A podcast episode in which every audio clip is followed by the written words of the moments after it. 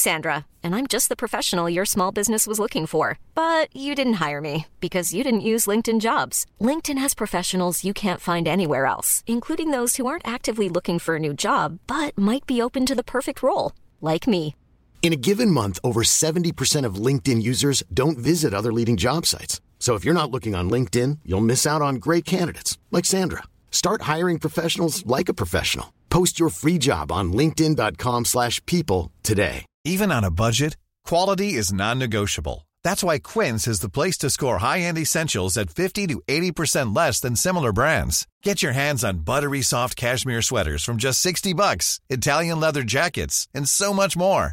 And the best part about Quince, they exclusively partner with factories committed to safe, ethical, and responsible manufacturing. Elevate your style without the elevated price tag with Quince. Go to quince.com slash upgrade for free shipping and 365-day returns. Wow. Nice. Yeah. What you're hearing are the sounds of people everywhere putting on Bombas socks, underwear, and t-shirts made from absurdly soft materials that feel like plush clouds. Yeah, that plush. And the best part? For every item you purchase, Bombas donates another to someone facing homelessness.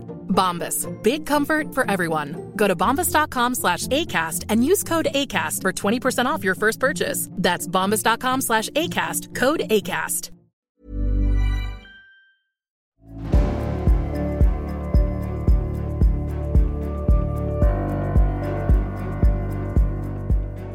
Hej och välkomna till Samtal. Som ni hör så är det då inte Jannik Svensson som sitter här idag utan eh, i förarsätet sitter jag, Rickard Axdorff. Och tillsammans med Emil Nilsén och Per-Ola Olsson så kommer vi ratta det här den närmsta tiden. Jag vet inte riktigt var det här kommer landa men det kommer antagligen vara ett vardagligt samtal mellan vardagliga människor om deras vardag. Så, länge det eh, inte, så länge det inte landar i en stämning för förtal eller ärekränkning så tycker jag att vi ska vara nöjda. Ja, ja, jag håller med. Så... eh, Det är för att jag inte har börjat prata än, Per-Ola. Ja, då har jag, då har jag Challenge tre. accepted. Hej på er! Hej! Hej! Hej, hej! Eh, ja, vi ska ju prata om någonting och det är jävligt oklart vad. Eh, Men brukar det, å andra, brukar det å andra sidan vara något problem när, alltså Mm. när vi pratar med varandra? Alltså det, det största problemet är väl möjligtvis att, att eh, vi kanske eventuellt behöver censurera oss lite jämfört med när vi pratar med varandra i telefon. Mm. Men li, li, lite så. Man kan väl säga så här att vi alla tre försöker ju förändra världen till någonting bättre utifrån vår egen infallsvinkel. Eh, och, och jag funderar på om det här samtalet inte kan handla lite grann om hur vi har försökt att förändra världen på ett eller annat sätt den närmsta tiden. Absolut. Låter utmärkt. Ja. Så lite självförhärligande liksom. Exakt. Nej, men, Det här har jag gjort. Ja, ja men på något sätt så, så jag menar vi sitter på eh, inga resurser och försöker att göra rätt mycket eh, sådär och, och, och mycket flyger bara förbi. Det är inte lätt att höras och synas, alla minst nu. Eh, det är väldigt mycket surr, inte minst om eh, eh, Rysslands krigsföring mot Ukraina. Ja, det var jävligt onödigt. Har vi svarat det? Ja, Mm. Sluta med det. exakt. Sl sluta, jag, jag, jag säger nej. ja, stoppa den. Ja. Det som, som bron. Ni vet. Vänt, vänt, vänt. Men den är redan byggd. Stoppa... Ja, det, på tal om bron, det tyckte jag var sjukt kul när äh, äh, Centerpartiet hade stämma i Malmö. Och Olof Johansson var givetvis där och äh, alltså det är det man ser ifrån där de hade, hotellet där de hade stämma. Det var en helt fantastisk utsikt över bron till friheten. Den som Olof Johansson var emot och all, lovade att han aldrig någonsin skulle åka på. Är det någon som vet om Jag blir gjorde mest- det? Jag blir förvånad över att Olof Johansson fortfarande finns. Ja, jo, det, är- det, är en, det är en vettig invändning faktiskt. Eller för, Ja, hur går det för Centern? Vem bryr sig? Svar nog kanske. Alltså jag tycker, ska vi ska...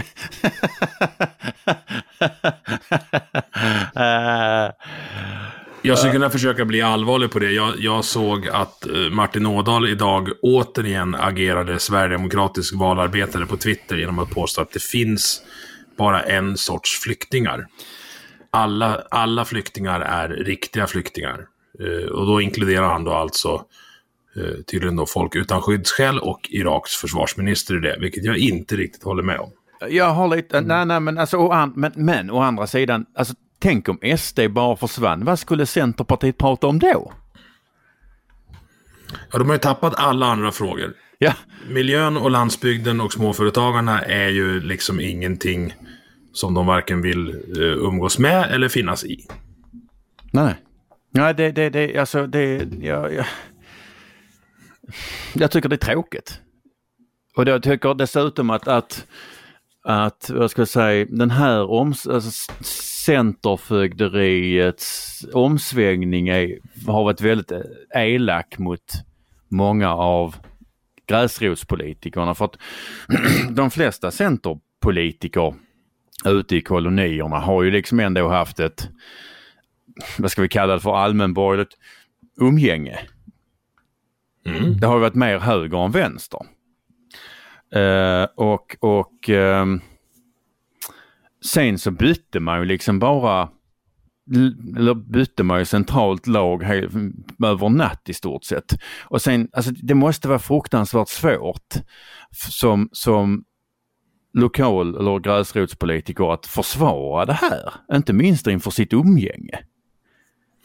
Jag satte ju dig tillsammans med en ce- centerpartistisk partistyrelseledamot i, i min podd. Eh, alltså Leksands kommunalråd Ulrika Liljeberg. Och hon är ju vettig. Ja men det, alltså det, det, jag, jag säger inte att det, finns vet, alltså att det inte finns vettiga centerpolitiker proble- eller, eller centerpartister. Problemet är ju att, att alltså vi har redan ett grönt parti som hatar människor. Vi behöver inte ett till.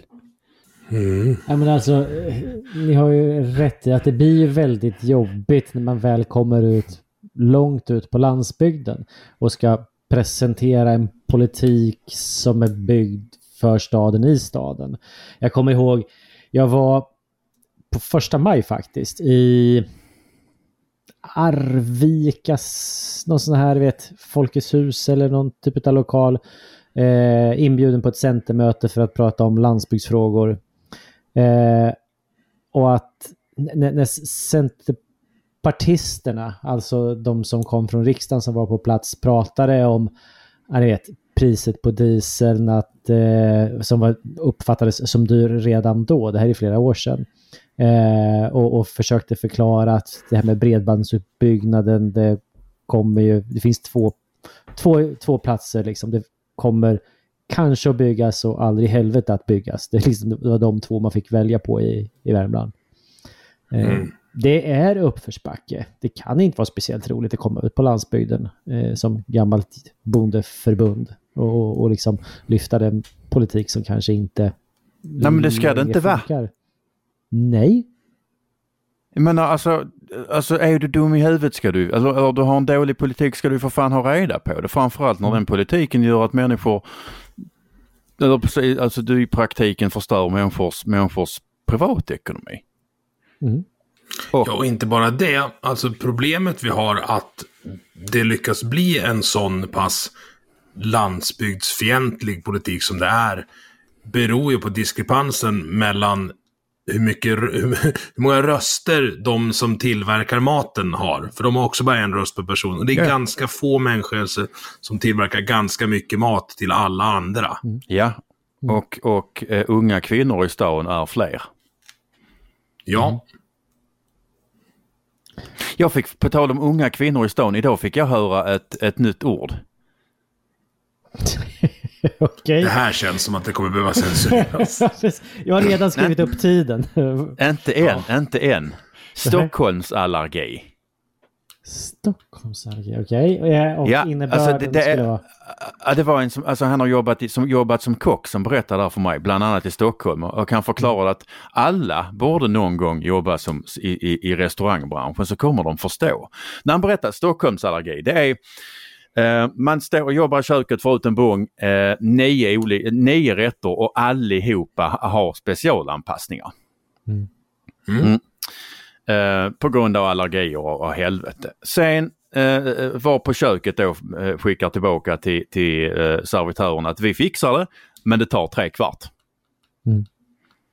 Eh, och eh, får tillbaka till besked, ja men det skiter vi i Det- då kan vi ta de vanliga. Stockholmsallergi. Stockholms... Ja.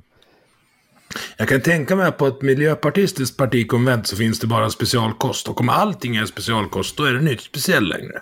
Nej, exakt så. Jag har en rolig Ja, historia alltså, det om beror väl... specialkost. Ja, kör du Det är Rickard. klart du har. Ja, nej, men jag känner det. Att stickspår, rolig historia om. Eh, det var så här att jag skulle på ett möte då med, med eh, Naturvårdsverket. Alltså de som på något sätt påstår sig gilla att vi har en hög biologisk mångfald ute på landsbygden.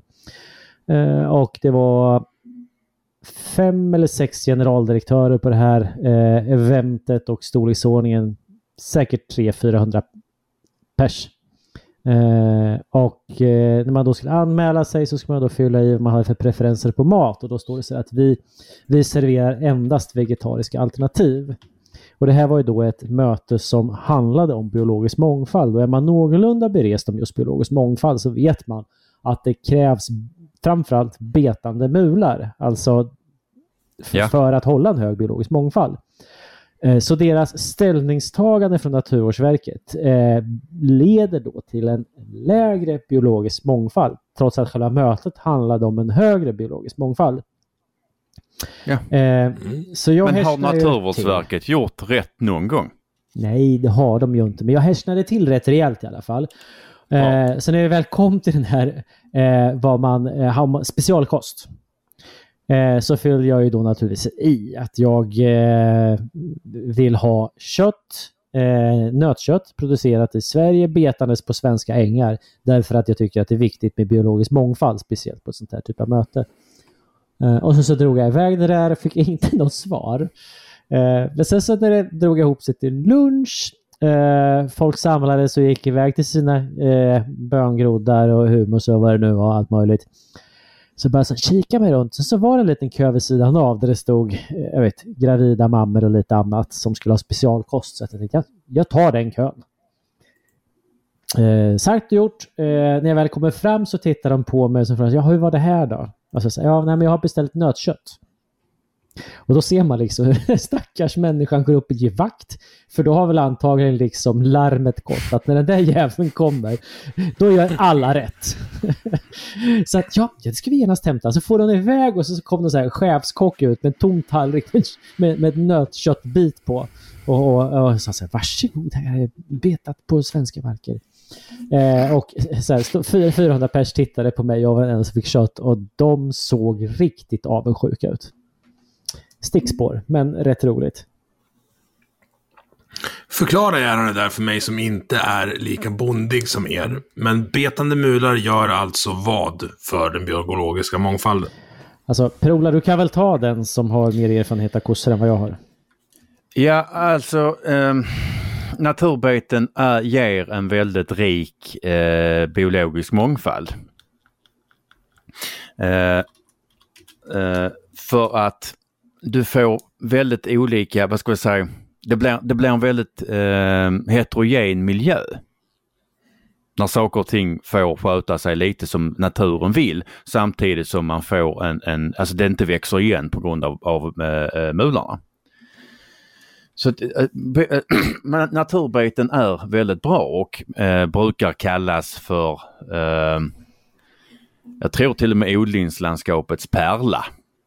Just för att det där är så pass mycket.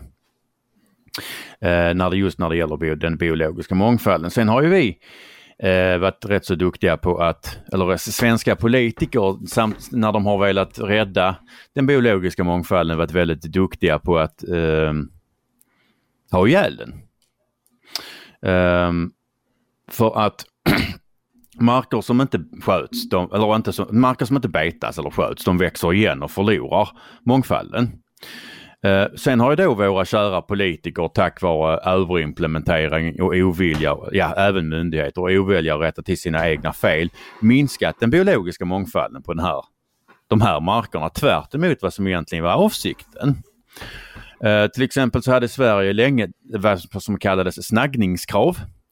Gräset skulle liksom vara helt nersnaggat överallt och fick, alltså var det inte det så fick man anmärkning och avdrag på EU-stöden. Och det här var till skada för både växter och insekter och fåglar. Eh, sen så hittade vi, vi på eh, en maxgräns om 50 träd per hektar.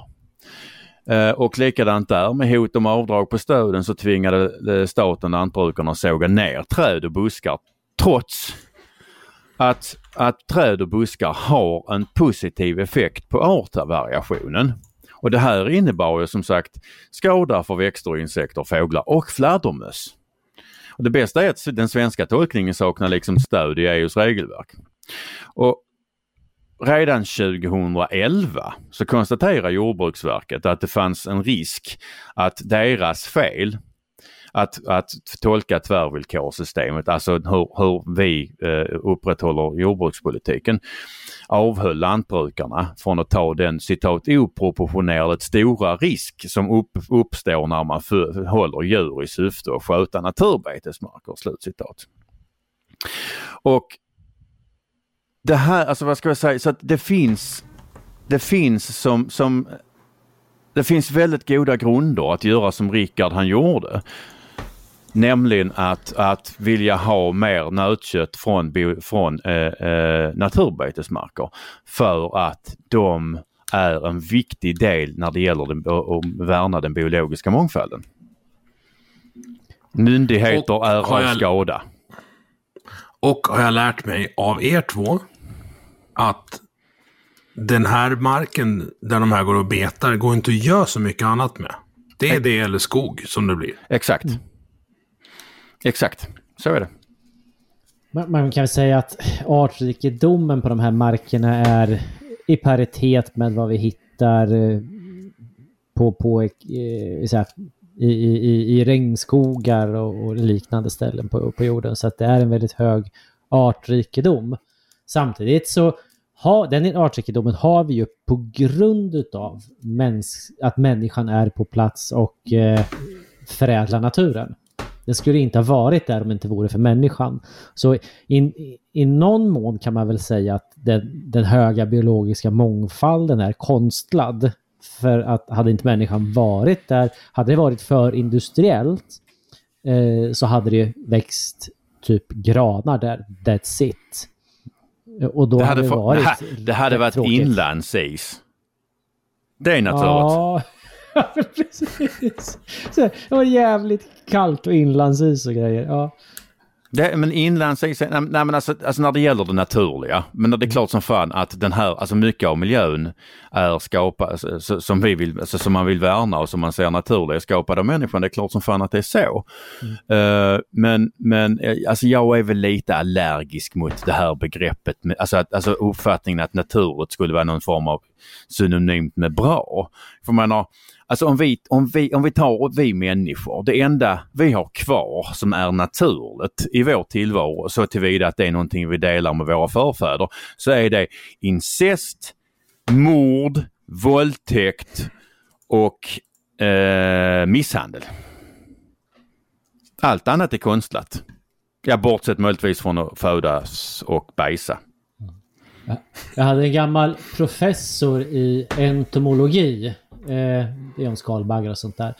Eh, han var finlandsk-svensk. Han sa att mord och våldtäkt är vardagen i insekternas liv. Ja. Apropå just det. Ja, ja, alltså, ja. Men Naturen har vi ingen insekt här som kan vara med och försvara sig. Eh. Ja, precis. Och vi kanske också ska säga att det finns andra dåliga partier än Centerpartiet. När vi ändå är inne i lite public service-anda här. Men, men, men å andra sidan, Alltså det spelar ingen roll att, att vi inte har någon insekt här som inte kan försvara sig för att alltså, det går, alltså, åklagaren får inte driva ett förtalsärende utan eh, eh den, alltså, den som är kränkts medgivande.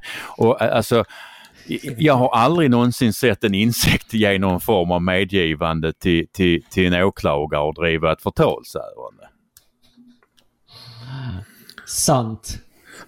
Det var en lång introduktion grabbar. Ska vi komma till ämnet nu eller? Ja, ja, Har vi ett? Ja, vilket ämne vill vi ta då?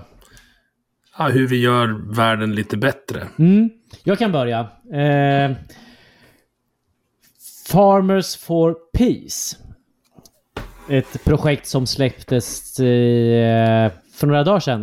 Eh, det är en landningssida där lantbrukare kan annonsera ut att man erbjuder tak eller husrum och mat till eh, flyktingar från Ukraina. Eh, det här började som en idé och sen så har vi fått god hjälp av eh, bland annat familjen Pensar och sen så Pernilla ute uppe i Östersund på en byrå. Nu kommer jag inte ihåg vad den heter. Det borde jag ju kunna. Hur som helst, jag återkommer till det. Hon har varit jätte, jätte, jätteduktig. En, eh, min, min nya favorittjej, helt klart. Eh, hur som helst, så att både Per-Ola och jag märkte ju av att det finns lantbrukare som vill göra någonting för de som nu flyr från ryssen. Eh, men att det, det, saknades en plattform eller en kanal eller ett sätt att få uttrycka sig. Eh, och, och, och det, det, det, finns dessutom så finns det en så här filantropisk gammal historia kring eh, människor som flyr i Europa och just bönder. Eh, jag tänker på, på när ryssen kliver in i, i Finland och Sverige tar emot storleksordningen 70 000 eh, kvinnor och barn. Så landar, eller hamnar ju många utav dem i eh, lantbruksfamiljer hemma hos bönderna som då tog hand om dem. De, de hade plats och de hade mat och kött och potatis. Eh, och, och, det här är historier liksom som har berättats på landet så att det, det, finns en levande historia kring just detta. Så att vi, vi har rätt många personer, det, det är faktiskt gripande att se hur många som har gått in då på eh, eh Farmers for Peace eh, sida, eh, gått till communityt och skrivit då att man har boende för ett antal personer och, och det är både att man har något hus med lägre standard men med el och vatten och någon toalett och eh, man erbjuder husrum inne. Man skriver att man har några rum som man inte använder så mycket.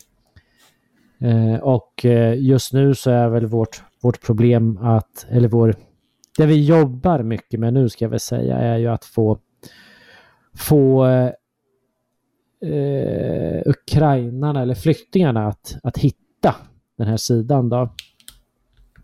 Eh, för att man kan, det, det, vet nog inte alla om att Ukraina är ett stort jord, jordbruksland med, med en av världens bördigaste marker.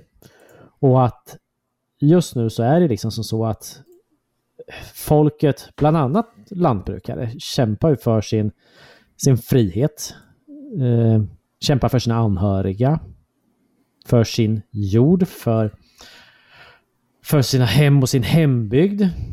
Och, och alltså de, de spiller sitt blod nu för att försvara de här rätt höga ting då som, som, som, här, som, som, som är viktigt även för lantbrukare i Sverige.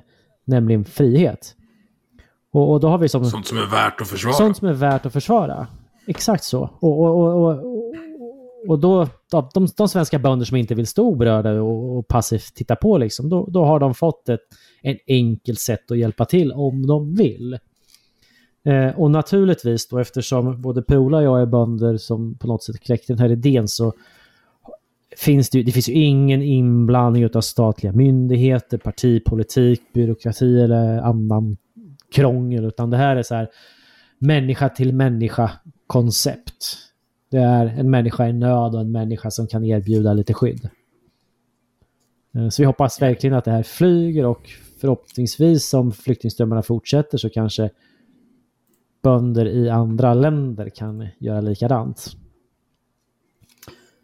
Eh, så det, det har jag hållit på med för att på något sätt förändra världen senaste veckan. Men, men alltså hade, hade vi liksom haft myndigheter med på det här så hade de ju för fan fortfarande suttit med styrdokument och värdegrund ju.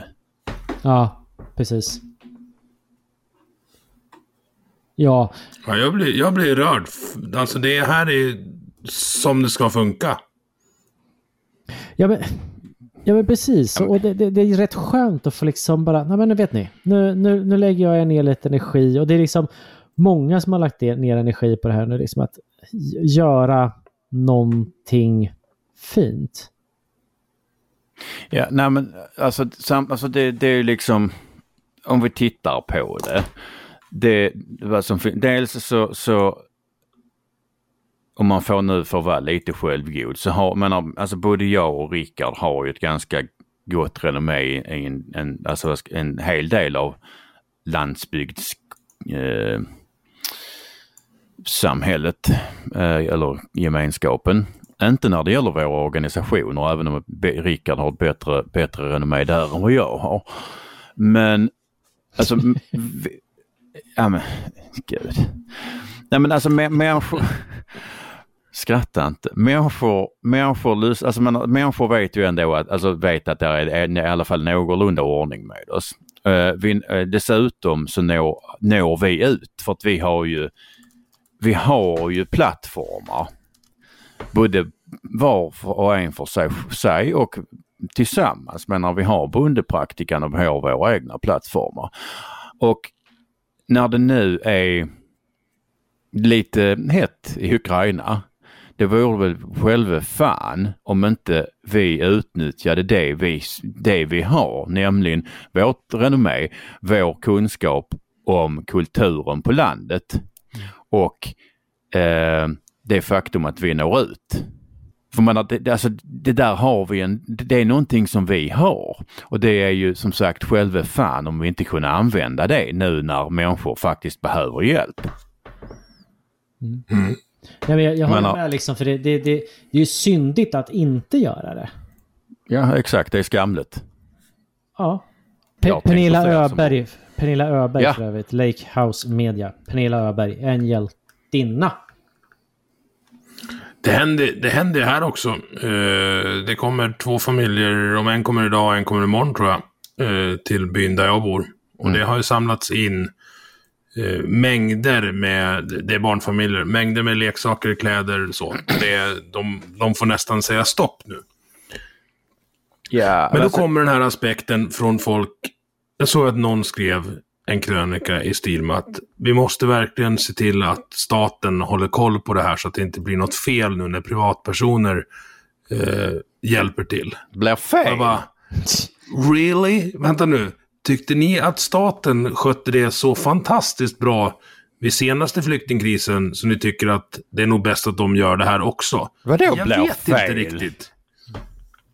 Jo men så här, vi har ju, det är det sättet jag försöker göra världen lite bättre genom att verka för en ansvarsförskjutning bort från staten tillbaks till individen. Vadå I det, här blir landet fel? bli, I det här landet blir man inskolad att det som staten gör är bra och det är nog bäst att när saker och ting blir jobbigt, krångligt eller påfrestande så ska vi låta staten komma och hjälpa oss med det. Är fel? det Ska de ha någon jävla, ska, alltså där ska någon stackars jävla ukrainsk unge förmånsbeskattas för nalle?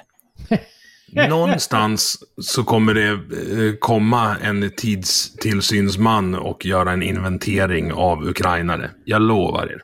Ja, och vad ska de få vara här i 90 dagar? Och sen så får de, alltså menar, de, de får söka asyl här tvärt emot vad Magdalena Andersson sa. Hon, alltså då när, hon bara, när, när det började bränna till där nere så bara, nu får andra ta sitt in, ansvar. Bara, hur fan skulle du lyckas med det? De, alltså har du ukrainare som har biometriskt pass får röra sig i EU hur bäst fan de vill och de får vara här i 90 dagar och de får söka asyl där de vill.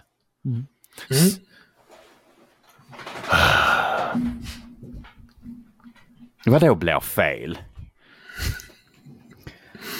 Och man häpnar ju på något sätt. Ja, jag vet inte. Så länge det är privatpersoner som tar in folk de anser sig kunna försörja och ta hand om under eget tak. så ska väl staten bara ge fan i det. Det finns jävligt mycket som staten borde ge fan i. Och, och Men alltså jag förstår, så- vad skulle, alltså, menar, vad skulle rimligtvis kunna bli fel? Okej, jag kan väl försöka, försöka köpa om där är någon stackars ukrainsk unge som blir skickad över gränsen helt själv och skulle hamna hos någon jävla pedofil. Det är fel! Men att staten liksom skulle in, initiera någon sorts jävla bred kontroll för att se till så att det inte blir fel nu när människor gör insamlingar. Vad fan, alltså... Jag förstår inte. Det grundar sig i samma logiska tankefel som det här att eh, vi ska syssla med politik, men vi ska inte ställa grupp mot grupp. Det enda man gör som politiker är att ställa grupp mot grupp. Ja. Förstår man inte det, så ska man inte vara politiker. Eller ha körkort. Jag vet ganska många som inte borde bli politiker. Jag funderar lite på att och, och, ehm, driva linjen att man, alltså minsta krav för att bli valbar till riksdagen är att man kan backa med släp och fila med ett motorsåg på frihand. Mm, Sko en häst. Ja, i alla fall inte, i alla fall hålla den medan den blir skodd. Ja, precis. Gå in till en häst utan att bli ihjälsparkad. Ja, gå in till en ja! Det, eller gå in till en ilsken tjur. Ja, eller det är lite höga Vi krav. hamnar lite bredvid, bredvid banan nu pojkar. Alltså Ukraina-krisen och hur man kan hjälpa till. Farmers for Peace.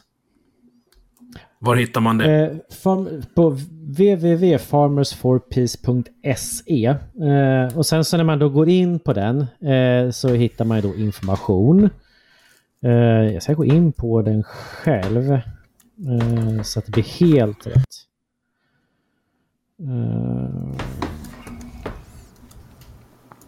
Vi kan nog se till att den blir länkad i avsnittsbeskrivningen också, Rickard. Jag tror också det.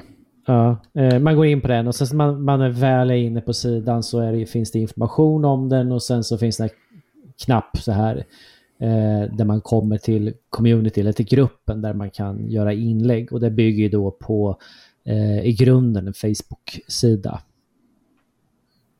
Eh, och där kan man ju då gå in och, och titta och läsa och, och eh, det, fi det, det finns redan rätt många inlägg. Eh, men som sagt, vi skulle behöva hjälp. Vi, ja, men vi, vi kan göra en shout-out eller vad det nu heter på sånt här språk. Om att eh, ni som har kontakter i Ukraina, se till så att den här sidan nu blir spridd i Ukraina.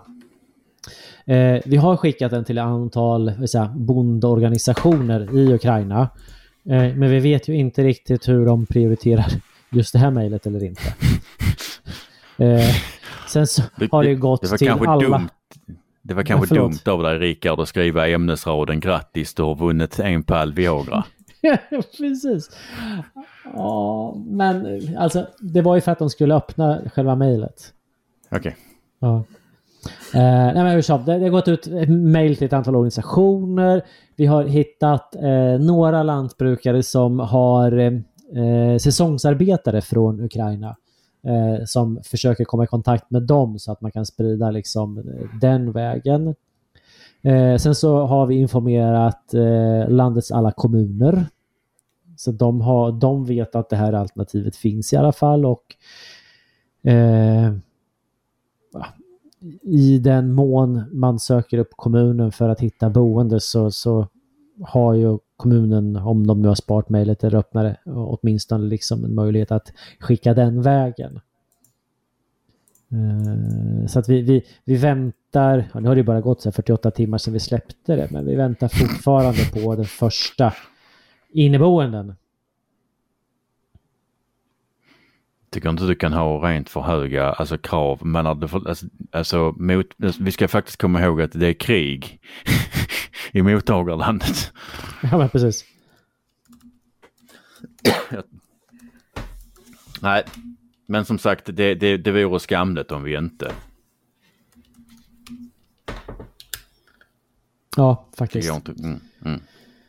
Eh, nej men så det har jag väl gjort för att på något sätt göra någonting. Eh, och det, det, det känns bra och jag tror att vi faktiskt landar i... Det räck, för min del räcker det liksom om en eller två familjer ja, kommer till Sverige och att de ja, får ett bra mottagande, slipper bo i någon barack någonstans och eh, liksom ha en tristess eh, runt sig hela tiden och ingenting att tänka på. Och istället liksom få komma ut på, på landet och klappa en kossa och bli stångad av en ko eller vad man nu gör. eh, Jag, jag gillar verkligen hur du beskriver landet precis som inte har någon som helst aning om vad som händer där. Nej, det är väl några få som vet det egentligen. Vad händer på landet? S- samma som lite överallt annars liksom. Mm, mm.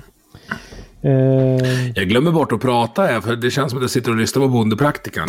Nej, jag, skulle- jag skulle precis fråga dig vad har du gjort för, alltså vad- liksom, vad gör du för att göra världen bättre, Emil? Jag har ju gått och blivit någon slags samtalsaktivist i min egen podd som heter eh, Vi måste prata, där ju ni har gästat bägge två. Bägge två två gånger faktiskt, även om andra avsnitt med Rickard inte har kommit ut än. Det kommer väl i veckan. skulle just fråga faktiskt. Eh. Kränkt. Ja, ja det får man vara. Eh, jag väntar fortfarande på första avsnittet av Bondepraktikan där jag är med som spelades in på din veranda. Så kränkt Just tillbaks. Nej, men så här. Jag eh, har ju den något kontroversiella åsikten att även folk med diagnoser har, eh, ska ha möjlighet att må bra. Så jobbar jag. Det är mitt kall. Skulle det där vara kontroversiellt? Nej, det var ju det som var, var poängen. Det är ju lite kontroversiellt i, i dagsläget. Bland annat har vi en skola som definitivt inte är anpassad efter sådana som mig. Och skulle jag utan att då vara, vara psykolog, er två heller, helt, helt ärligt. Jag vill, jag vill bara här påpeka att ettan i lågstadiet gick ganska bra. Det var inte förrän i tvåan det sket sig och sen gick, ju, sen, sen gick det ju inte så bra. Nej. Och problemet vi har då i den svenska skolan är att grabb, lite stökare grabbar får bara lära sig en sak i skolan och det är att de bara kan misslyckas.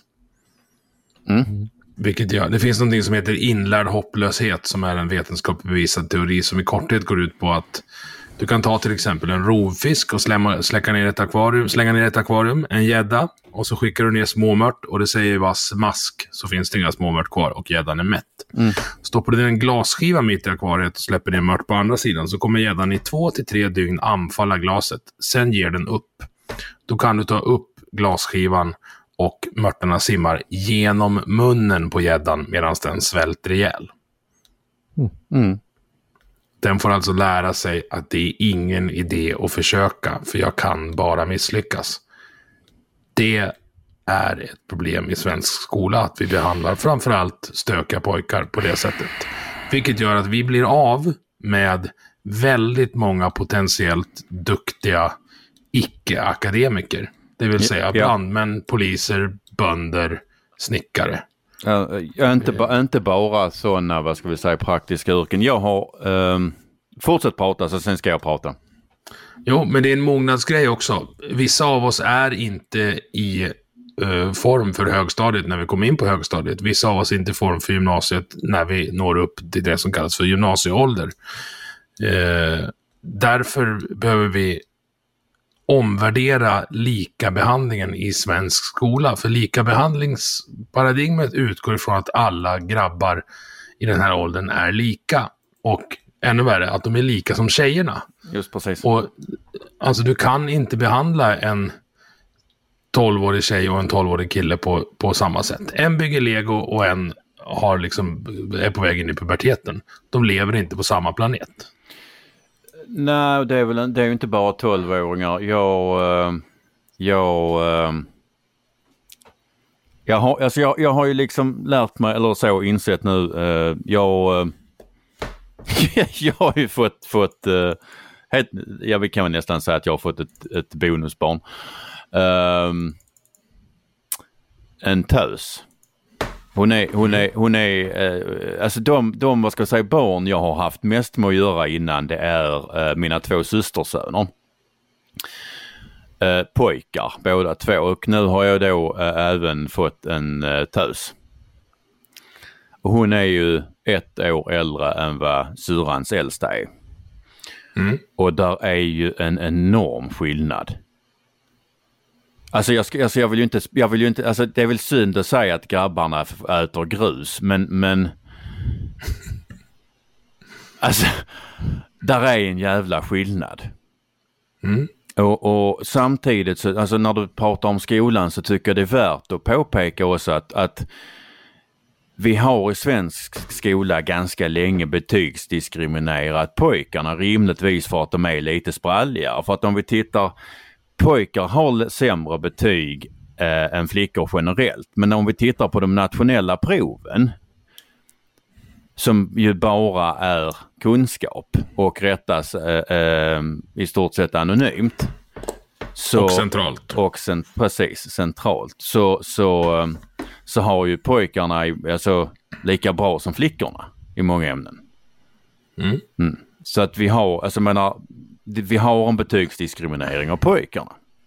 Men, men, men det är absolut som du säger att, att, att flickor är före pojkarna. Det går inte, alltså menar det, det, det är det är en påtaglig skillnad, det är det.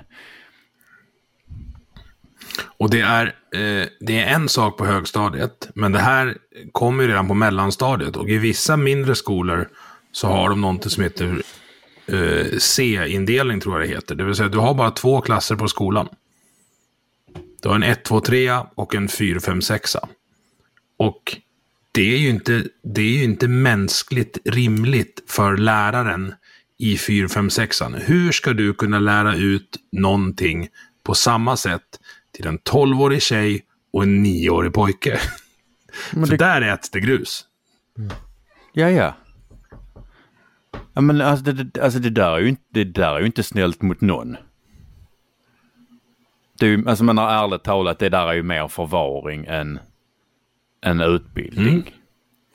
Och det här är ju inte ett problem som skolan är ovetande om. Men det, det saknas resurser och det saknas kompetens för att göra någonting åt problemet. Och då väljer man, medvetet i många fall, omedvetet i andra, att skjuta problemet framför sig tills de här kommer in i nästa skola. Exakt. Nästa skola. Men till slut så kommer någon få ta tag i problemet. Och om skolan inte gör det så är risken överhängande att det blir kriminalvården och polisen istället. Och det är inget bra. För människor graviterar mot det man saknar i livet. Det vill säga, sådana som mig klarar inte av... Eller så här, vi är något sämre på att strukturera upp våra liv. Jag trivdes jättebra i lumpen. Jag trivs jättebra eh, i alla möjliga blåljussituationer. Men om samhället då inte kan tillhandahålla strukturerade konstruktiva miljöer, det vill säga bra, ja, men det kan vara hantverksjobb, det kan vara vilket jobb som helst där det, där det finns struktur. Gärna med inslag av liksom lite stök och fara, alltså brandkår, polis, armén, ambulans i viss mån. Då finns det andra som tillhandahåller precis samma kombination av tydlig hierarkisk struktur och viss del av fara. De åker motorcykel med skinnväst eh, och de eh, säljer gräs i förorten. Det är, eh, låt oss säga, samhällsekonomiskt suboptimal verksamhet. Ja. Och jag tycker inte att det här är kontroversiellt, men det pågår nu i skolor i min närhet eh, där man drar ner på det som förut kallades obsklass, men som är någon slags specialundervisning där man har lärare som är experter på att ta hand om de här människorna och göra män- eller ta hand om de här ungarna och göra människor av dem. Fixa gymnasiekompetensen så att de kommer in och får chansen att bli någonting annat än experter på att misslyckas. Och det är fullkomligt vansinnigt och jag kommer dra ut i krig för det här för att jag vet att det är rätt sak att göra. Ja, alltså jag tycker alltså det är det. Som, alltså jag tycker, för till att börja med så tycker jag det är värt att påpeka att alltså det, här, det här är ju eh, någonting som inte bara inbegriper eller begränsar sig till, till, till de som har en diagnos utan pojkar är an, ofta annorlunda. Och jag har ehm, Eh, jag har ibland eh, tagit hand om pågar som har varit på väg åt fel håll. Eh, eh, ja, alltså det, det, det händer ibland, eller ganska ofta faktiskt, att jag engagerar mig i andra människor. Säg det inte till någon. Du är en fin människa. Sä, nej, nu säger vi det inte. Säg inte det till någon. Säg inte det till någon för helvete. Nej. Ja, precis. Nej, alltså, jag, ibland har jag tagit hand om pågar som har varit på väg åt fel håll och de har ju varit, de har ju varit utdömda av skolan. De har liksom deras lärare och konst, alltså menar, de har ingen framtid. Sen får de vara här hos mig och, och alltså, dels lära sig veta hut. Dels ehm, Alltså, de får kanske lite, vad ska vi säga, utlopp för sin kreativitet i, i, en positiv bemärkelse. För att, ehm, alltså jag vet ju själv när jag gick i skolan, jag var ju så fruktansvärt jävla uttråkad så att jag- alltså man har, jag la ju all, all ork, för jag hade ganska mycket energi över ju, la jag ju på att och, och driva mina lärare till vansinne. Ehm, Det kan man också bli bra på. du, jag var jag expert. har en del tips som jag inte tänker delge allmänheten. Det vågar aldrig. Nej, men som sagt, alltså de, som sagt, de, har varit ut, de har varit uträknade av sina lärare. De skulle överhuvudtaget aldrig bli någonting. Mer än misslyckade, som du säger Emil. Som sagt, de har varit här och fått lära, lära sig veta hut. De har fått utlopp för sin kreativitet. Jag har aldrig någonsin behövt höja rösten. Jag har tittat lite strängt ibland och ibland har jag varit lite uppgiven men jag har aldrig någonsin behövt höja rösten. Och det är ingen av de här idag som inte har jobb. Många av dem har bättre jobb, mer beta- alltså, och är bättre betalda och har jobb som de trivs med. Än vad deras, deras eh, klasskompisar som var, ska vi kalla det för lyckade kaninöron kaninöron. Mm. Och, Men och du alltså, slog hade du- inte ha- heller. men- Nej, nej, för fan. Som sagt, jag behövde aldrig ens höja rösten. Alltså det, det handlar bara liksom som sagt, en del av deras, deras uppfinnings... Alltså menar, det, det är ju naivt att tro att man kan plocka all, äh, plocka all skit ur dem. Men det, det går i alla fall, alltså och de lärde sig jävligt mycket skit av mig. Men de fick vi, vi, alltså de fick lära sig att liksom dels behärska det och dels kanalisera det på ett bra sätt. Och som sagt allihop, allihopa de har, alltså de har bättre jobb och har högre lön än vad deras klasskompisar hade. Ja. Folk som, har, som, folk som inte har lite bus i sig, hur jävla kul är det att umgås med dem då egentligen? Så det, är- nej, nej, det, alltså det är som att umgås med en jävla krukväxt ju. Ja. Jo, men så här, vissa av oss är... Vissa, vissa i livet är maträtter och andra av oss är kryddor. Alltså en biff utan salt och peppar är väldigt tråkig. Men att sitta och äta salt och peppar med sked är inte så jävla kul det heller. Det är mixen som är det roliga. Ja. Jag håller med. Jag har för mig, Emil, när vi satt på verandan här och spelade in det här avsnittet som ännu inte är sänt, så pratade vi någonting med att det, det är tack vare er som är eh, den här typen av människor som vi andra kan leva säkert på något sätt. Försö- Jo, alltså, ihåg det? det, ja, men så här, det, finns, det finns ju några som står och tittar ner i marken och några som tittar mot horisonten. Och sen finns det även några som tittar rakt upp i himlen och, och tänker en hel del. Alltså du har ju, vi har den här, vad ska man kalla det, storytelling-traditionen. Så här, den första som började rita djur på väggarna i grottorna var ju inte en vanlig människa, utan det var ju en dampunge. Och då, tack vare de ritningarna så vet vi ganska mycket. Det är ganska bra att någon funderar på så här, undrar vad som egentligen finns på andra sidan horisonten. Jag kanske ska ta en båt och åka dit och titta. För då hittar man nya ställen. Någon tyckte det var spännande. Oj, vad varmt det blev här efter åsknedslaget. Det där med eld kanske vi, eller så vi kallar det eld och vi lär oss tämja det. Det är också rätt bra för civilisationen. Sen blir det en jävla massa misstag också. Men, men vem gör inte misstag? Nej men alltså, det, alltså nu, nu är du inne på en väldigt bra grej och som dessutom präglar det moderna samhället idag. Nämligen att vi är så jävla måna om att det inte ska kunna begås misstag. Att vi tar bort möjligheten för, för oss som, som, vad ska vi säga, som art eller som samfund att ut, fortsätta utvecklas. Mm. För, att, för att vi tar, alltså när, i, den, i vår iver att ta bort eller uh, säkra upp möjligheten för misstag så tar vi bort möjligheten att utvecklas. För att hela, hela liksom, hela vår Hela vår utveckling bygger ju på att man har gjort, alltså där är något jävla ufo som har gjort, det är, det är gjort något vi har aldrig gjort, på något som vi, på, gjort något på ett sätt som vi inte har gjort förr. Mm.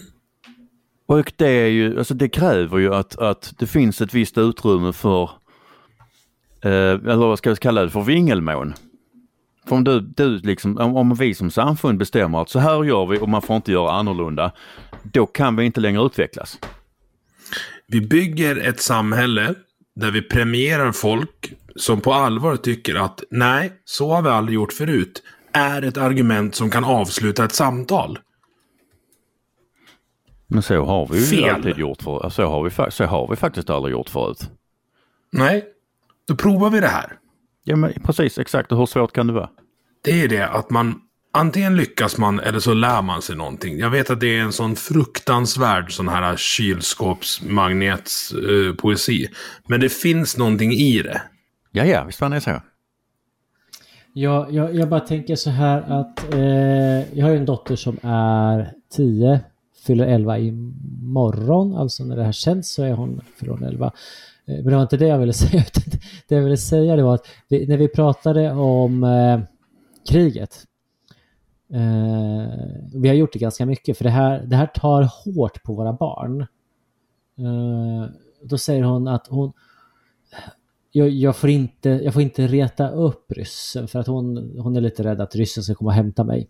Eh, men utöver det så jag vill att det ska vara som det alltid har varit. Eh, och ur ett barns perspektiv som är trångt kan vi kanske utgå ifrån på något sätt. Eh, man har inte levt så länge och inte upplevt så mycket så vill man att det ska vara som det alltid har varit. Eh, men det är ju samtidigt inte utvecklande det leder ingen vart. Det, det, det bara cementerar det som är. Eh, och då funderar jag på det vi ser, för att göra en koppling till naturen, bara lite kortis om ni står ut. Alltså att vi, vi har en, en, en, en landsbygd, jordbruk och skogsbrukspolitik som på något sätt vill cementera det vi har just nu här. Eh, och då är då frågan om anledningen till att man vill göra det, att man är likt ett barn ganska så grund eh, i sin förmåga att, att tänka ett större perspektiv. Hänger ni med uh, någonstans? Ja, jag är med. Tänker, jag är med. Är man skolad att tänka i fyraårscykler, där, där det viktigaste målet inte är att få någonting uträttat utan att bli omvald, då blir det här konsekvensen. Mm, det blir det. Dessutom, alltså det här förstärks av, av det svenska kynnet att vi är liksom, vi har kommit så långt det går i utveckling. Vi är liksom skapelsens krona. Vi är bättre än alla andra. Och det innebär att all förändring är av ondo för att det, vi kan, det går inte att komma längre fram. Vi är redan, vi är redan där liksom. Mm. Och det går ju igen inte bara i landsbygdspolitik. Det är samma sak med alltså, dessa jävla bygglov eh, som man måste be om för att få sätta en kåk på sin egen mark. Mm. Där det ska utgå ifrån någon slags norm som är norm nu. Och gärna som var norm förut. Mm.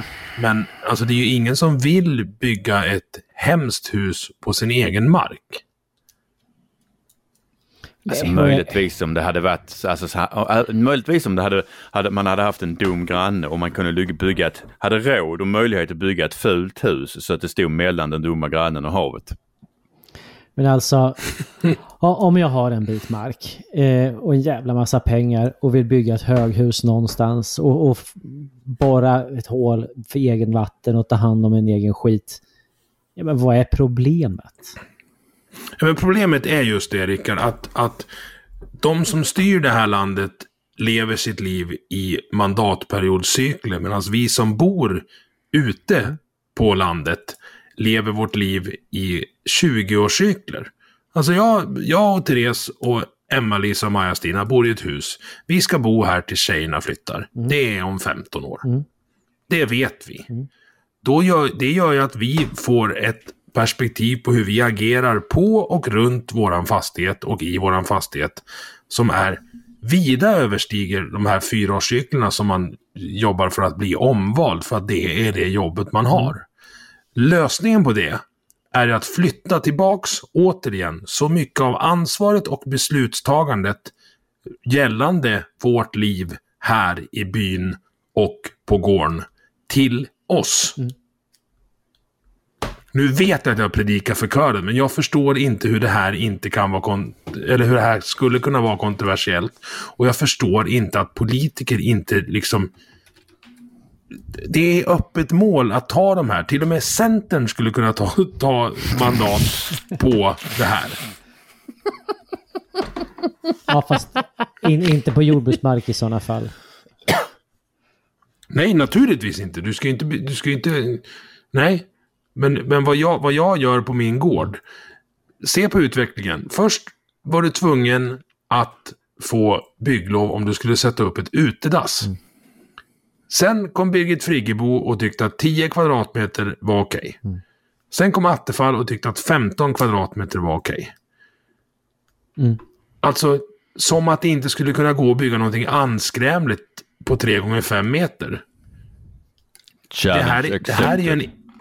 Ja, men det här är ju en infantilisering av befolkningen och en, en här klapp på huvudet. Att, nej men, inte ska väl ni tro att ni vet vad som är bäst för er. Ge oss hälften av era pengar, minst, så ska vi berätta för er vad ni får göra. Och så kanske ni får tillbaka en slant eller två. Det är ju vansinne. Vi är helt överens. Ja, oh ja. Och Jag misstänkte det. Jag skulle vilja koppla tillbaks till, till eh, dina tankar kring, kring skolgången och eh, de livliga barnen. Mm. Eh, det, kommer ni ihåg Bobo Krull? Ja.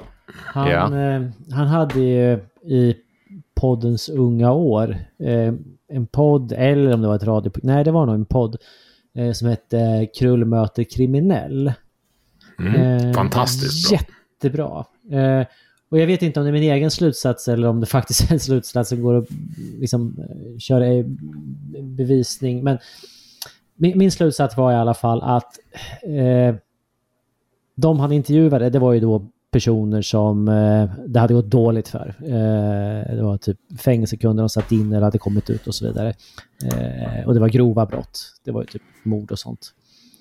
Eh, och när han intervjuade dem så frågade han liksom så här, vad, när kunde någon eller samhället ha räddat dig från att hamna i den här situationen och liksom bli en ja, laglydig människa? Eller åtminstone inte liksom hålla på och skada och såra andra. Eh, och, och då är nog min uppfattning att man landar i årskurs 5. Punkt. Upp till årskurs 5 går det att göra skillnad. Sen är det för sent. Och, och eftersom jag vet att du är duktig på det här, Emil, så, så frågar jag dig. Eh, stämmer det här? Liksom? Det stämmer. Och jag har till och med en lösning på det. Mm, jag misstänkte det. Du vet, när jag, när jag gick i skolan, de jag kunde identifiera med, det var ju någon lärarvikarie som inte hade en förutfattad mening om mig. Men så var det Christer. Christer var vaktmästare. Ah, han hade träskor och blåbyxor och, man, och kunde prata med mig när jag varit utslängd från lektionerna. Han kunde åka och hämta mig i sin Opel Rekord när jag hade rymt igen och skulle gå hem sex kilometer från skolan. För att jag visste att om jag är kvar här så kommer jag slå ihjäl någon. Eh, det finns inga vaktmästare på våra skolor längre i den här kommunen. De utgår eh, centralt inifrån något, något lager någonstans och åker ut när det behöver bytas en lampa. Vilket gör ju att, ja, ni som är i, nu höll jag på att säga underhållningsbranschen, men det är ni ju av era eh, traktorer och så som behöver underhåll. Eh, om man tar bort det löpande underhållet på en stor fastighet, hur tror ni den mår i det långa loppet då? Um, där blir väldigt mycket att ta igen. Ja, det är inte, en, det är inte ett svinbra sätt att spara pengar om man har ett längre, längre perspektiv än, vad ska vi säga, fyra år, som tydligen är det man jobbar med. Max fyra år. Men, men, Men jag tänker att de jobbar för att bli omvalda. Det är, det Ja, är exakt. hela jävla tiden. men um, Emil, vad, alltså, alltså, som sagt, alltså, om vi nu ska prata bara två minuter skolgång. Vad, du, vad, du var, alltså du, du var, vad ska vi säga, stökig? Alltså hur? Klassens, klassens clown Mm. funkade bra i, i, i byskolan upp till, upp till sexan. Mm. I sjuan eh, så vart, det, vart jag väldigt själv. För då, då var de inte tvungna att umgås med mig. Då fanns det ju andra ungar på skolan också. Mm. Så högstadiet var riktigt eh, jobbigt fram tills att jag hittade eh, hockeyläktaren. Där det helt plötsligt var okej att vara spontan, utåtagerande och högljudd. Mm. Och eh, ibland även lite stökig. Ja, ja, ja, ja jag förstår. Alltså jag, jag, var, ju- jag var inte så stökig, jag var bara, eh, eller jag var rebe rebellisk. Mm. Alltså jag har liksom, hade ju inga problem att sitta, eller, att sitta still och, och, och liksom jag var inte stökig men, men jag hade en väldigt stark udd riktad mot läraren. Nej. Ja, jag, jag käftade ju emot, vilket gjorde att vissa lärare, jag käftade emot väldigt tidigt. Eh, jag kommer ihåg att i trean så förklarade jag för, för eh, vår klass, eller ja, det var ju samma lärare hela tiden då, att Nej men fröken, det går visst att dela 10 på 3. Du, har bara, du använder bara fel talbas. Och får man höra det från en tioåring, då ska man inte dumförklara honom inför hela klassen, utan då ska man ge honom en helt annan mattebok, så kanske han sitter still, för då blir det spännande. Men det var det ingen som gjorde, för hon fattade ju- hon, hon var ju så här, någonstans mellan 120 och döden tramporgel-lärarinna. Eh, i, så här, inte så Emil-kompatibel. Nej, jag så. förstår, jag förstår. Men hon hade ju aldrig i hela sitt liv hört talas om talbas till exempel. Men det hade jag lärt mig av morfar. Då var jag, tid, då, eh, då var jag tidigare än vad du var för att jag, jag eh, lyckades, i, det var i tvåan i lågstadiet som vi, alltså vi rök ihop så in i helvete och sen blev det aldrig bra igen. Det var, eh, det var alltså, ja, det var, det var, det var, det var ganska, det var ganska mycket konflikt den lunchen, det var det. Nej, men det var, det var bättre på gymnasiet för då fick jag ju, då fick jag ju välja någonting som jag, jag eh, tyckte var spännande själv. Jag lyckades naturligtvis eh, gå ut med 2,7 i medel eh, men prata in mig på en linje där det var 4,1 i intag. så så helt, helt ogin att ta sig dit man ville har man ju inte varit. För man är ju, eh, eller jag är i alla fall, begåvad med eh, en, en viss motivation och eh, ostoppbarhet när jag väl bestämt mig för vart det ska. Ja, jag, Um Ja, Vilket jag är en av fördelarna med ADHD, om ni inte har listat ut att det är det som, det som jag har.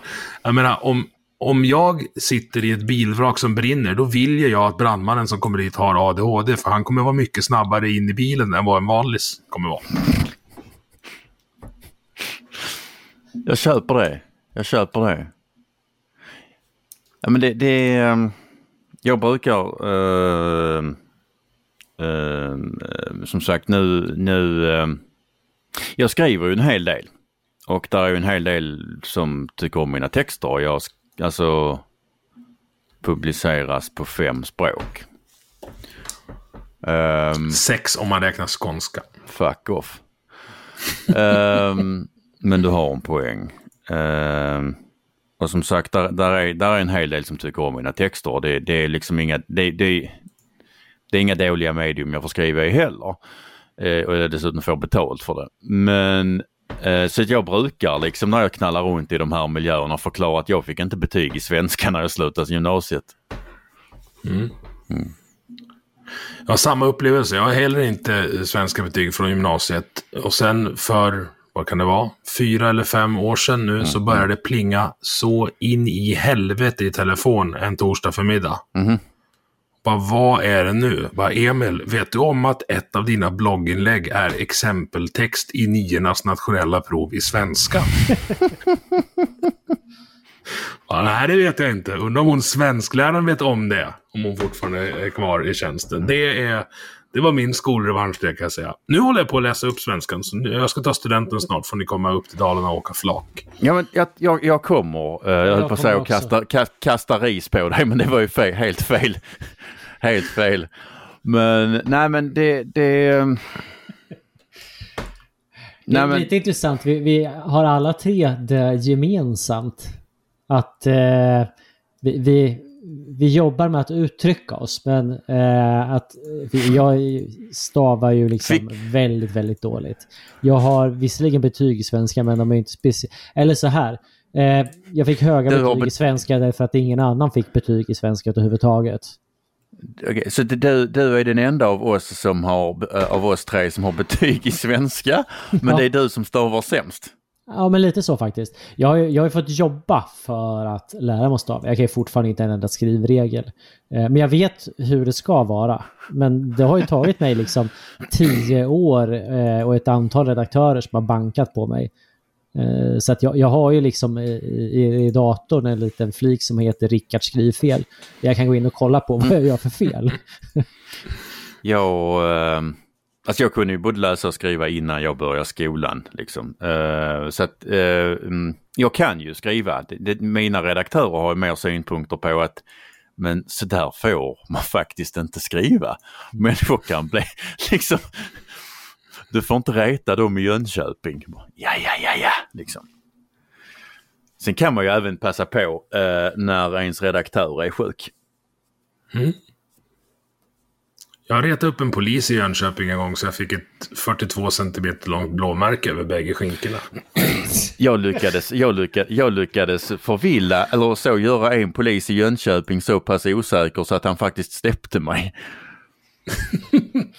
Var det han du råkade komma ikapp under utryckning? Nej, det var en på, på E6 som jag råkade komma ikapp under utryckning. Det var, jag tror det var ganska för, pinsamt för oss båda för att jag tror han var ganska, ganska medveten om att jag först kom ifatt honom och sen låg 300 meter bakom honom och svor. Och jag kom för sent och var tvungen, var tvungen till att alltså förklara att alltså, jag är ledsen jag är sen men eh, jag körde ifatt en polisbil på utryckning. Så att, eh, eh, nej han i Jönköping han, han stannade mig. Eh, på, på ganska goda grunder för det var kanske en heldragen linje som jag råkade korsa mitt framför honom. Um, sånt som händer. Ehm, Tydligen. Ja, det är där, där ehm, alltså, alltså vad ska jag, när du kommer från E4, alltså norrifrån, svänger av för att inte köra av- mot Göteborg till. Så är det, så, så är det liksom svänger, eh, svänger avfarten eh, liksom det är runt som fan och sen så när du ska gå på där filerna går ihop så är det först eh, heldraget en rätt bra bit och sen får man då börja flexa mellan filerna. Och om, om eh, där är lite rörigt så finns det fördelar med att liksom så börja och, och bygga ihop eller bygga ihop trafiken innan den heldragna linjen tar slut. Av rent trafiksäkerhetsmässiga skäl. Men eh, jag såg ju inte att det var en, en civil polisbil jag hade bakom mig för en eh, för han kom liksom ifrån andra hållet. Så jag såg inte att det var, det var en snut förrän, förrän jag hade honom, eh, eller förrän jag hade bytt fil där det var heldraget.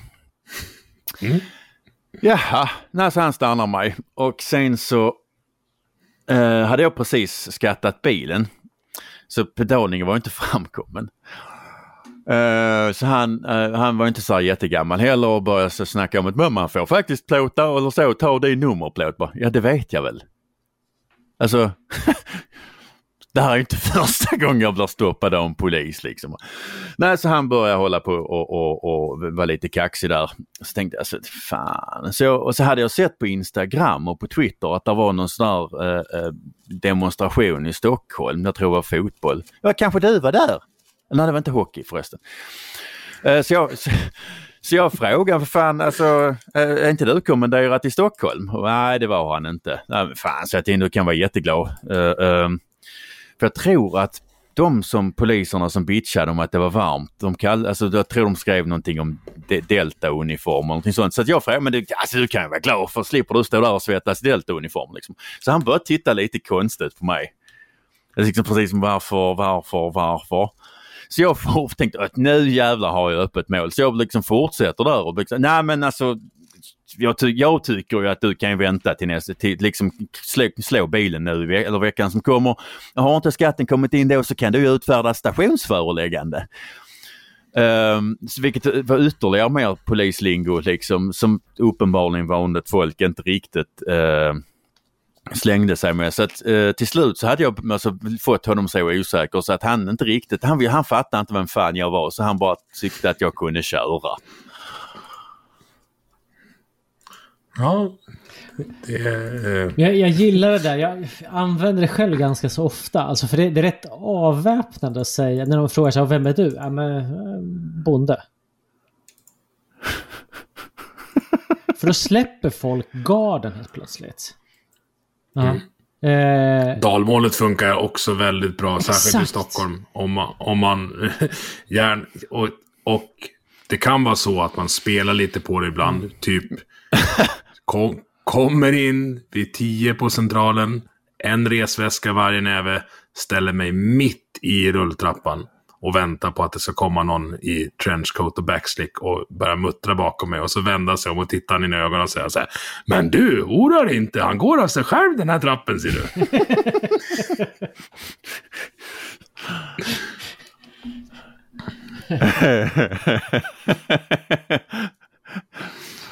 Liksom, ja, nej, men jag köper det. Jag köper det. Jag, eh, Så är det. Ja, men där, där, är, där är mycket stressade människor. Där. Jag börjar bli stressad nu för nu har vi pratat alldeles för länge ja. pojkar, även fast det är trevligt. Nej men vi får prata hur länge vi vill. Eh, för vi, vi har ju ja. så kidnappat samtal. Eh, Jannik kan inte påverka oss överhuvudtaget så vi kan sitta hela natten om vi vill faktiskt. Men jag, jag har en liten spaning, tror jag. Eh, vi, vi har ju pratat lite grann om det här med, med, med de korta tidshorisonterna. Med fyraårsperspektiven. Eh, men samtidigt så har vi faktiskt pratat om att vi i den mån det går försöker att lösa saker och ting själva. Vi tar oss in på utbildningar fast vi inte har betygen riktigt. Eh, vi eh, flyr skolan för att vi vet att vi riskerar att slå ihjäl någon. Eh, vi eh, startar en plattform så att eh, flyktingar har någonstans att bo. Eh, alltså om, om, om det här att man löser saker och ting själva breder ut sig, då blir på något sätt det där de, de som är det fyraåriga perspektivet, det korta perspektivet, de, de blir i någon mån onödiga. Och, och, och med sånt som är onödigt, det försvinner ju till slut. Eh, är det här en möjlig lösning för att få bort den onödiga delen utav det byråkrat-Sverige vi har? Det är det, men det kommer ta väldigt lång tid. För de här människorna sparkar och slår ja. och håller sig kvar så mycket de på något vis kan. Precis, det är just därför uh, de, håller, de håller emot. Du, jag och Emil skulle ha samma invändning. Mm. De håller ju emot. Snacket där i Dalarna går att de på, nu ska vi se, det heter inte landsting utan regionnivå, eller länsstyrelsenivå, vilken det nu är, eh, säger nej till så många bygglov de på något vis kan, som redan är beviljade av kommunerna, för att de ska hävda att de behövs, för att kommunerna klarar inte av det här. Vilket gör att de klämmer ju oss fastighetsägare rejält. Alltså det är ren sabotageverksamhet. Den är väldigt svår att bevisa. Jag har, alltså det här är snack. Jag har, inga, jag har inga bevis på det, men jag ser ju mönstret. Och jag vet inte vad jag ska göra åt det. Per-Ola, vi kanske skulle, ska vi ta, liksom, för att förklara hur det funkar kanske, vi ska, ska vi ta exemplet med, med chefsrådmannen? Jag får inte. Ja, eh, du, du, får fylla i det, jag tappar bort mig. Eh, så vi här. Väl börja, vi, vi, börjar, vi börjar med att presentera vad som har hänt. Rickard. Ja, Inte, du, ja. du tar vad som har hänt så, så, så fyller jag i där rådmannen börjar. Det, så kan vi absolut göra, ja. för annars kommer, in, in, annars kommer väldigt få människor förstå. Ja, uh, här, förled, här, här, för, här, här förleden så eh, annons, berätt, eller annonserade Skogsstyrelsen att de eh, hade gjort en ny tolkning av artskyddsförordningen. Och det här skulle innebära att eh, man istället för i vanlig ordning eh, eller som lagen säger, att man, en skogsägare som vill avverka, han lämnar in en anmälan och sen har Skogsstyrelsen sex, månader, sex veckor på sig att handlägga det här. Det är så lagen säger det och så det har varit mer eller mindre. Eh, det har, alltså man har varit påtafsat på det här och man har mer och mer försökt, försökt eh, eh, hantera det här som en tillståndspliktig verksamhet trots att det inte är det. Sen som sagt så aviserade eh, Skogsstyrelsen att de efter ett antal domar som hade ändrat praxis gjorde nya tolkningar av artskyddsförordningen och att eh, skogsägarna nu för att få lov att fälla eller avverka skulle utreda bland annat eh, förekomsten av fåglar för att den nya tolkningen av, av artskyddsdirektivet sa att man fick inte störa man fick inte störa någon fågel på individnivå. Um, så. Och det här innebar ju eh, av fullt naturliga skäl en, en våt filt över svenskt skogsbruk. Och renderade i en hel del kritik från, från eh, branschen. Dels på grund av, av eh, frånvaro av eh, rättsutredning från Skogsstyrelsens sida när det gällde eh, den nya tolkningen. Dels för att eh, Skogsstyrelsen lite glidande under flera år har försökt eh, behandla icke tillståndspliktiga verksamheter som att avverka som, som tillståndspliktiga verksamheter vilket är mot grundlagen. Och, de, eh, och dels för att myndigheten med det här välter över sitt utredningsansvar på den enskilde vilket är mot grundlagen. Ehm, så att som sagt det renderade i en hel del kritik och eh, Skogsstyrelsen förklarade även att de behövde 1,4 miljarder extra för att fixa det här. Alltihopa grundade sig som sagt på en ny, tolk, en ny praxis som, grund, som, som kom efter att eh, 12 domar. Nu kan du få prata. Ja, jo, då, då, då blev vi, vi ju lite nyfikna på vad, vad, är det då de här nya domarna? Vilka domare är det? Så att då, då, då begärde jag ut dem och då visade det sig att det var 12 domar och åtta av de här då kommer från Vänersborgs tingsrätt. Alltså två tredjedelar kommer från en och samma tingsrätt, vilket ju faktiskt sticker ut rätt rejält. Eh, och dessutom så var fem utav dessa åtta var ifrån en och samma person, ifrån chefsrådmannen Kristina Olsen Lund. Vilket sticker ut väldigt, väldigt mycket och dessutom så tyckte jag nog att det där, det där namnet känner jag igen. Så jag började på att googla lite grann på, på Olsen Lund och då visade det sig att hon var ju då eh, huvudsekreterare i en statlig utredning, alltså utredningen om hur man ska tolka artskyddsförordningen. Så hon har då alltså suttit eh, och utrett artskyddsförordningen, eh, lämnat över den till politiken och eh, månaden efter att det här överlämnades, för hon var ju då bara Eh, hon blev utnämnd till chefsrådnamn, eh, chefsrådman månaden efter att eh, man hade lämnat över utredningen som någon slags eh, klapp på axeln då.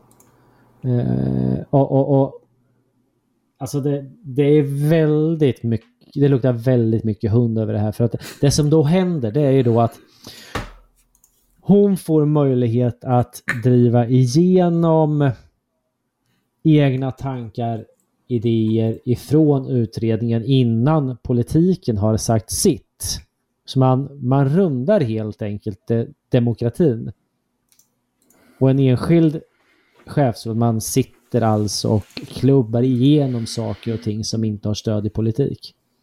Och det i sin tur leder till att Skogsstyrelsen eh, har en ny syn på hur artskyddsförordningen ska tolkas och hur, hur man får avverka och inte.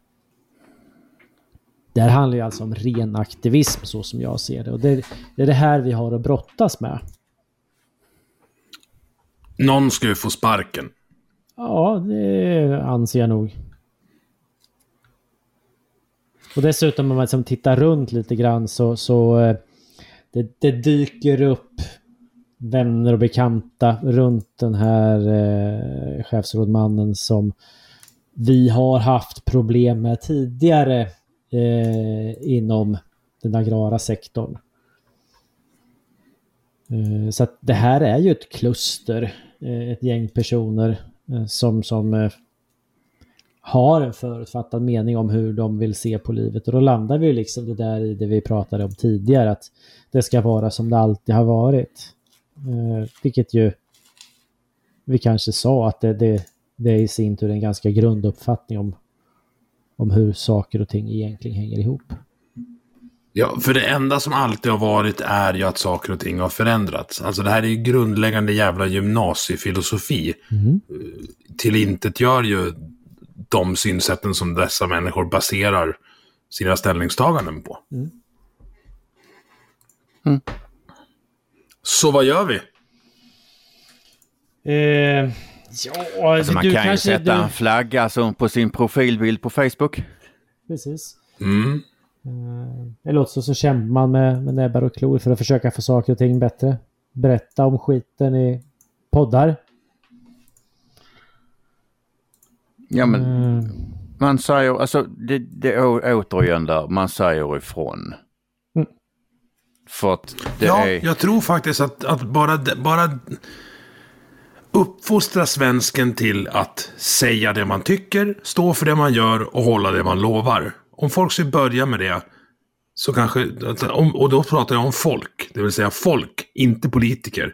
Om folk skulle börja med det, så skulle politikerna bli tvungna att apa efter. Ja, men alltså det, det jag tycker det är liksom en, en med, med, risk för att låta, låta uh, mer vänster än vad jag är. Men jag tycker det, det är någon form av plikt att faktiskt säga ifrån. Ja. Man, kan, alltså man, kan inte bara låta, alltså man kan inte bara skita i saker och ting. Det men alltså det är väl, det är väl, uh, men alltså man, som sagt man säger ifrån. Ja, nej, men jag, jag, jag skriver under på det. Eh, och liksom, så har jag levt mitt liv och det har ju definitivt inte gynnat mig på något sätt. Eh, men jag tycker... ja, det har du ju inte, inte mig heller. Nej. Jag har ju till och med diagnospapper på att jag kan inte låta bli att säga ifrån. Dels har jag känselspröten ute så jag ser att någonting är på väg att bli fel och så saknar jag impulskontroll för att hålla käften. Ja. Jag, eh, jag har faktiskt inga diagnoser. Än. Du ska fika med Agneta när du kommer upp hit. Ja. Eh, jag, tänkte, jag tänkte, Emil, Emil, du hade någon idé om att vi skulle tipsa om någon musik, eller hur var det? Ja, jag har gett de här herrarna eh, som ju var med och definierade vad som är banjohögern eh, i uppdrag att plocka fram tre låtar som de tycker inte behöver vara kampsånger, men kanske temasånger i filmen om eh, deras liv som sig själv. Ehm, ja, alltså... Jag börjar med dig, Rickard. Jag, jag, jag, jag tänkte så här, fan håller han på med, vad jobbig han är. Men sen så kom jag på att jag har ju faktiskt... Eh, ett utkast till en ledartext som i sin tur bygger på eh, eh, sångtexter ifrån Depeche Mode. Du kommer alltså ut som syntare inför världen här och skäms inte. Nej, men lite så. Nej, men jag, jag kan leva med det. Eh, det är helt okej. Eh, de, de har en del eh, avsnitt i sina texter som är väldigt bra. Och den, den som jag kommer att tänka på just nu när vi sitter här, det är ju en låt som heter Where's, Where's the Revolution? Where is the Revolution? Eh, som... Eh, ja, ska man citera någonting ur den nu kanske? Får googla lite snabbt. Eh, Where, where's the revolution? Come on people, you're letting me down. Yadi yadi yadi. Eh, who's making your decis decisions? Uh, you or your religion? Your government? Your countries? Patriotic Junkies. Alltså, nej men det, det, det, finns bra grejer i Depeche. Ja, jag kommer ut som syntare idag. Japp. Mm. Sent ska syntaren vakna. The, tra the train is coming. The train is coming. Get on board. Mm? Mm. Hade du bara... Ja, du hade, Nej, det räcka för mig just nu. Det, ja. Depeche rakt igenom bara så. Det finns mycket där. Och nu, Per-Ola, är det dags för Perikles. jag, jag, kommer inte sjunga Perikles, men, men eh, nej, vi ska inte prata Perikles, även om det är, det blir, jag har druckit mycket sprit till dem. Men, med, gud, enormt mycket sprit. Men Alltså om vi nu ska prata banjo-högern eh, eh, och, och så, alltså banjo, alltså vad ska jag säga, banjo kom ju till, eller just banjo kom ju till som någon form av, eh, som sagt det är ju så de har sett oss ju som någon form av banjospelande i, eh, inav, inavlade banjospelare. Mm. Så, så menar, alltså det är just för att helt enkelt jävlas som det blev banjo. Och då går det ju inte annat än att, att uh, ta upp uh, The Dead South med Banjo Odyssey. Har ni hört den? Den som sagt, den är, den, den är inte... Den är... Uh, alltså den driver, alltså även den driver ju med banjo, eller vad ska jag säga, hur folk ser på, folk ser på, på banjo helt enkelt. Uh, där bland annat de sjunger att uh, uh, I guess she's my cousin eh, but she needs some sweet loving anyway. och, och alltså mm. som sagt det är ju det är ju det är ju till att driva, det är ju till att driva med sig själv och det är till att driva med banjo. Men alltså där finns, alltså vad ska jag säga, distans, alltså självdistansen och distansen är faktiskt viktig. Och det är viktigt idag när väl, så väldigt många tar sig själv på så stort allvar mm. att faktiskt kunna ha en självdistans. Mm. Det där ligger oss lite i fatet när man försöker saluföra banjohöger till folk som är det utan att veta om det. Att de, de saknar den där självdistansen. Men det gör det också lätt att sortera bort folk. Mm. mm. För... Så är det. Så här, du, you might be a redneck och så vidare. Men det är Ja, men saknar du självdistansen så vill i varje fall inte jag ha med dig på grillfesten. Det är liksom så. Du kan vara banjo, du kan vara... Nej. Du kan, du kan rösta på rätt saker ändå. Men, men ja. någon slags kvalitetsstämpel är ju ändå ett visst mått av självdistans. Ja, men så är det. Gud ja. Så är det. Um, och sen har jag, alltså, det finns en kant, eller halv country-låt med Colt Ford. Um, som heter Working On.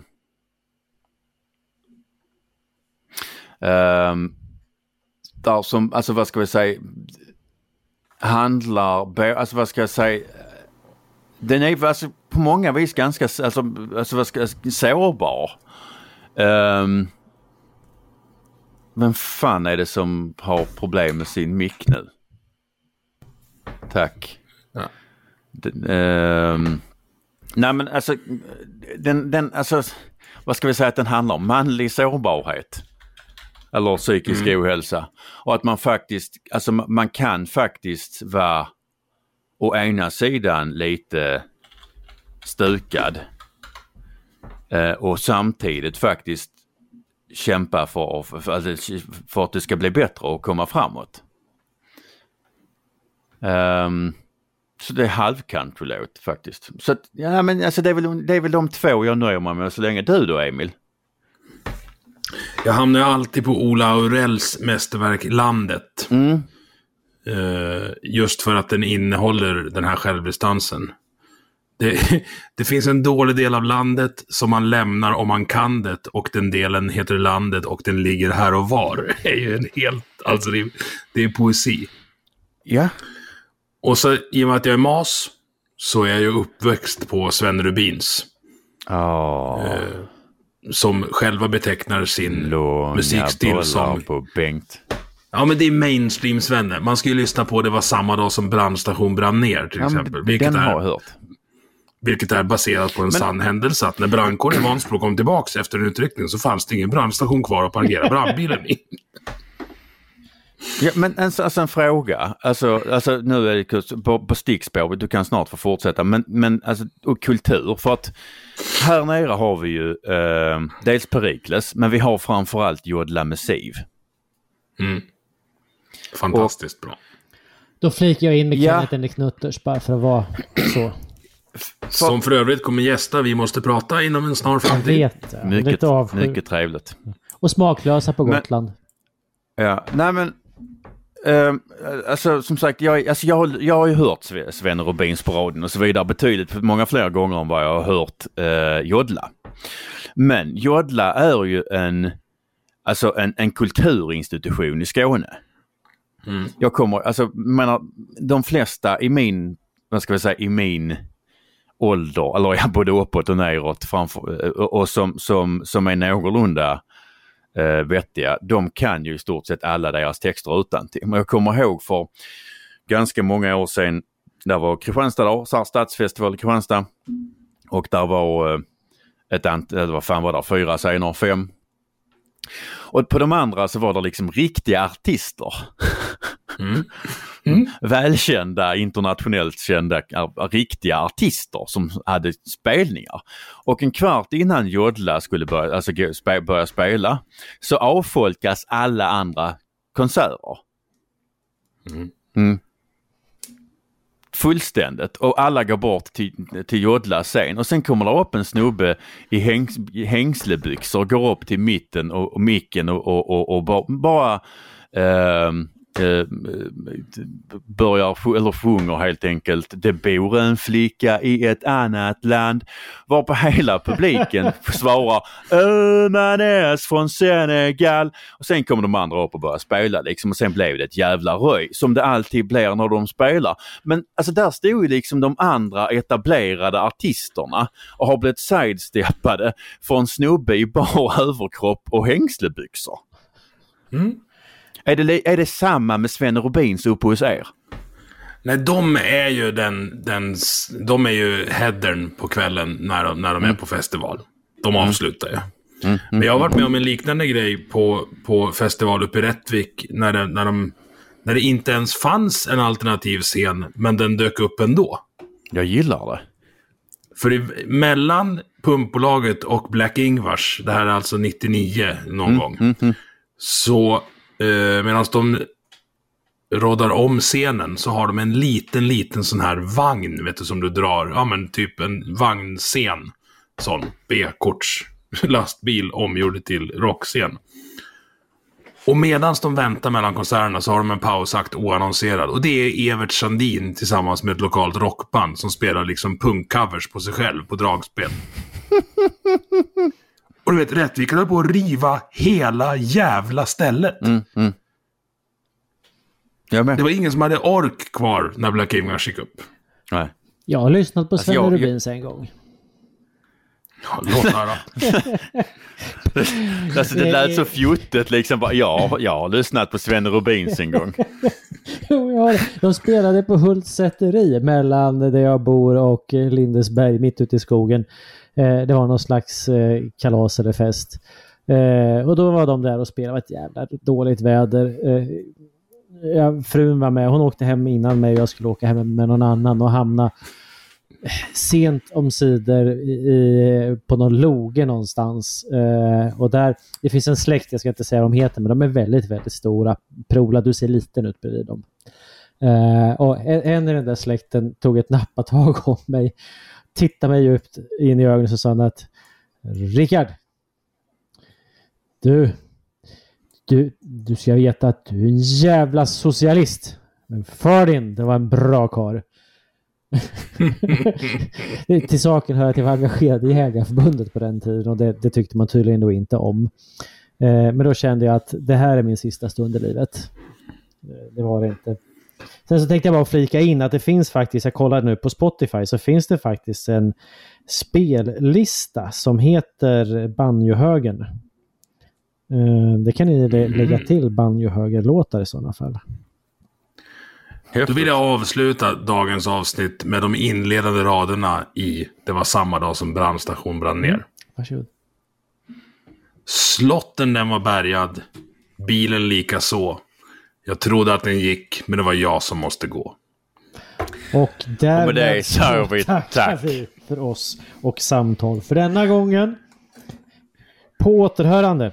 Tjingeling! Tjingeling!